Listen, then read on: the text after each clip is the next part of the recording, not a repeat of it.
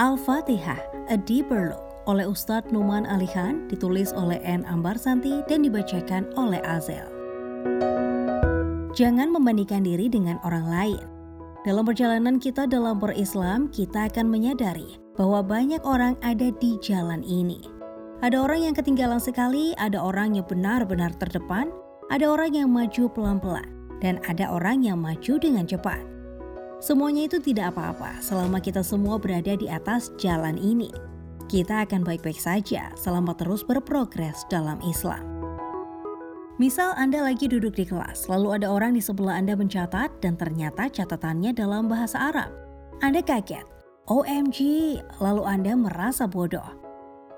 Atau, misal Anda duduk dalam sebuah khutbah atau kuliah, lalu setiap khotib mengutip ayat, orang di sebelah Anda selalu bisa meneruskan ayatnya dengan lengkap. Wow!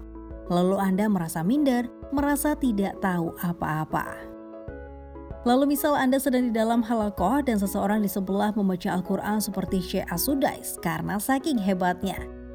Lalu giliran Anda membaca e, a, e, terbata-bata, lalu Anda pun berekspresi, Duh, gimana bisa masuk surga nih? Aduh, gue pasti jadi cadangan. Dia yang masuk surga duluan. Apa yang biasanya kita lakukan? Kita membandingkan diri kita dengan orang lain.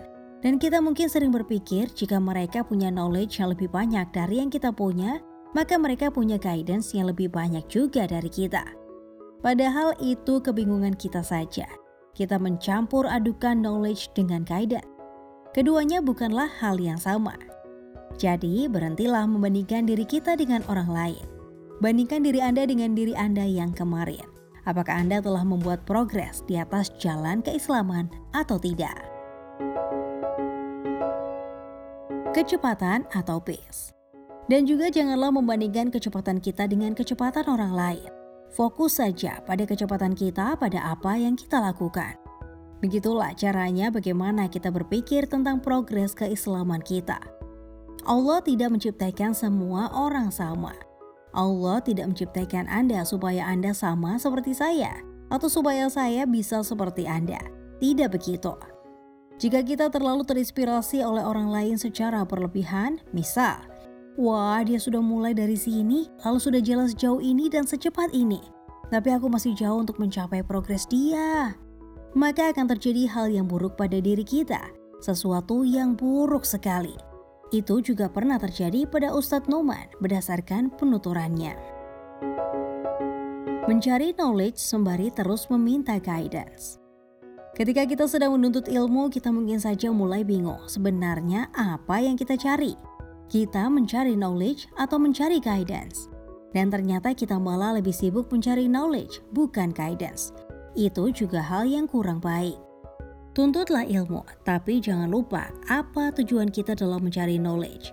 Knowledge bukanlah tujuan utama kita, namun tujuan kita adalah mencari guidance atau hidayah. Terus belajar sambil terus meminta kepada Allah, Ya Allah, aku sudah belajar ini, dan melalui pengetahuan ini tunjukilah aku.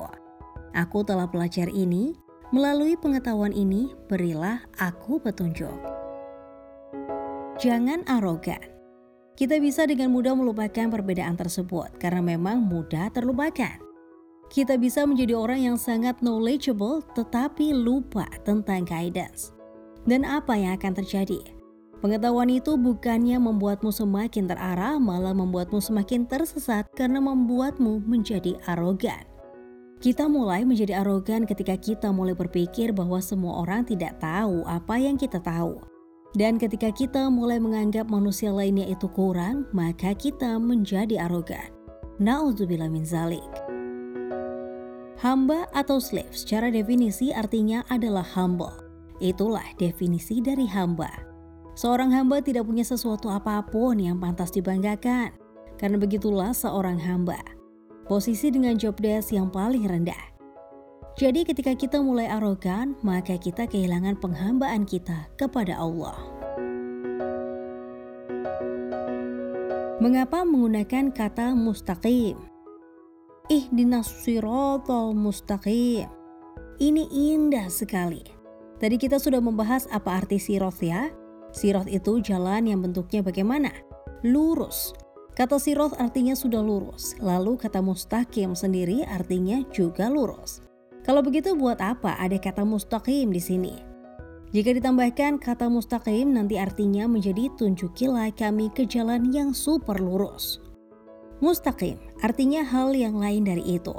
Istiqomah dalam bahasa Arab artinya bukan sekedar lurus, tapi tegak lurus. Lurus ke atas. Ini berasal dari kata koma atau kia, berdiri, jalan yang vertikal. Dengan kata lain, ketika kita sedang traveling menggunakan kata mustaqim, kita sedang berjalan ke mana? Ya, jalan ke atas. Ke atas loh. Ini perumpamaan yang penting sekali di dalam Al-Quran. Kita tahu Allah sering berfirman tentang menaikkan derajat orang-orang mukmin. Jadi secara harfiah atau secara penggunaan bahasa, artinya menjadi, Ya Allah, tunjukkanlah aku jalan yang lurus jalan ke atas.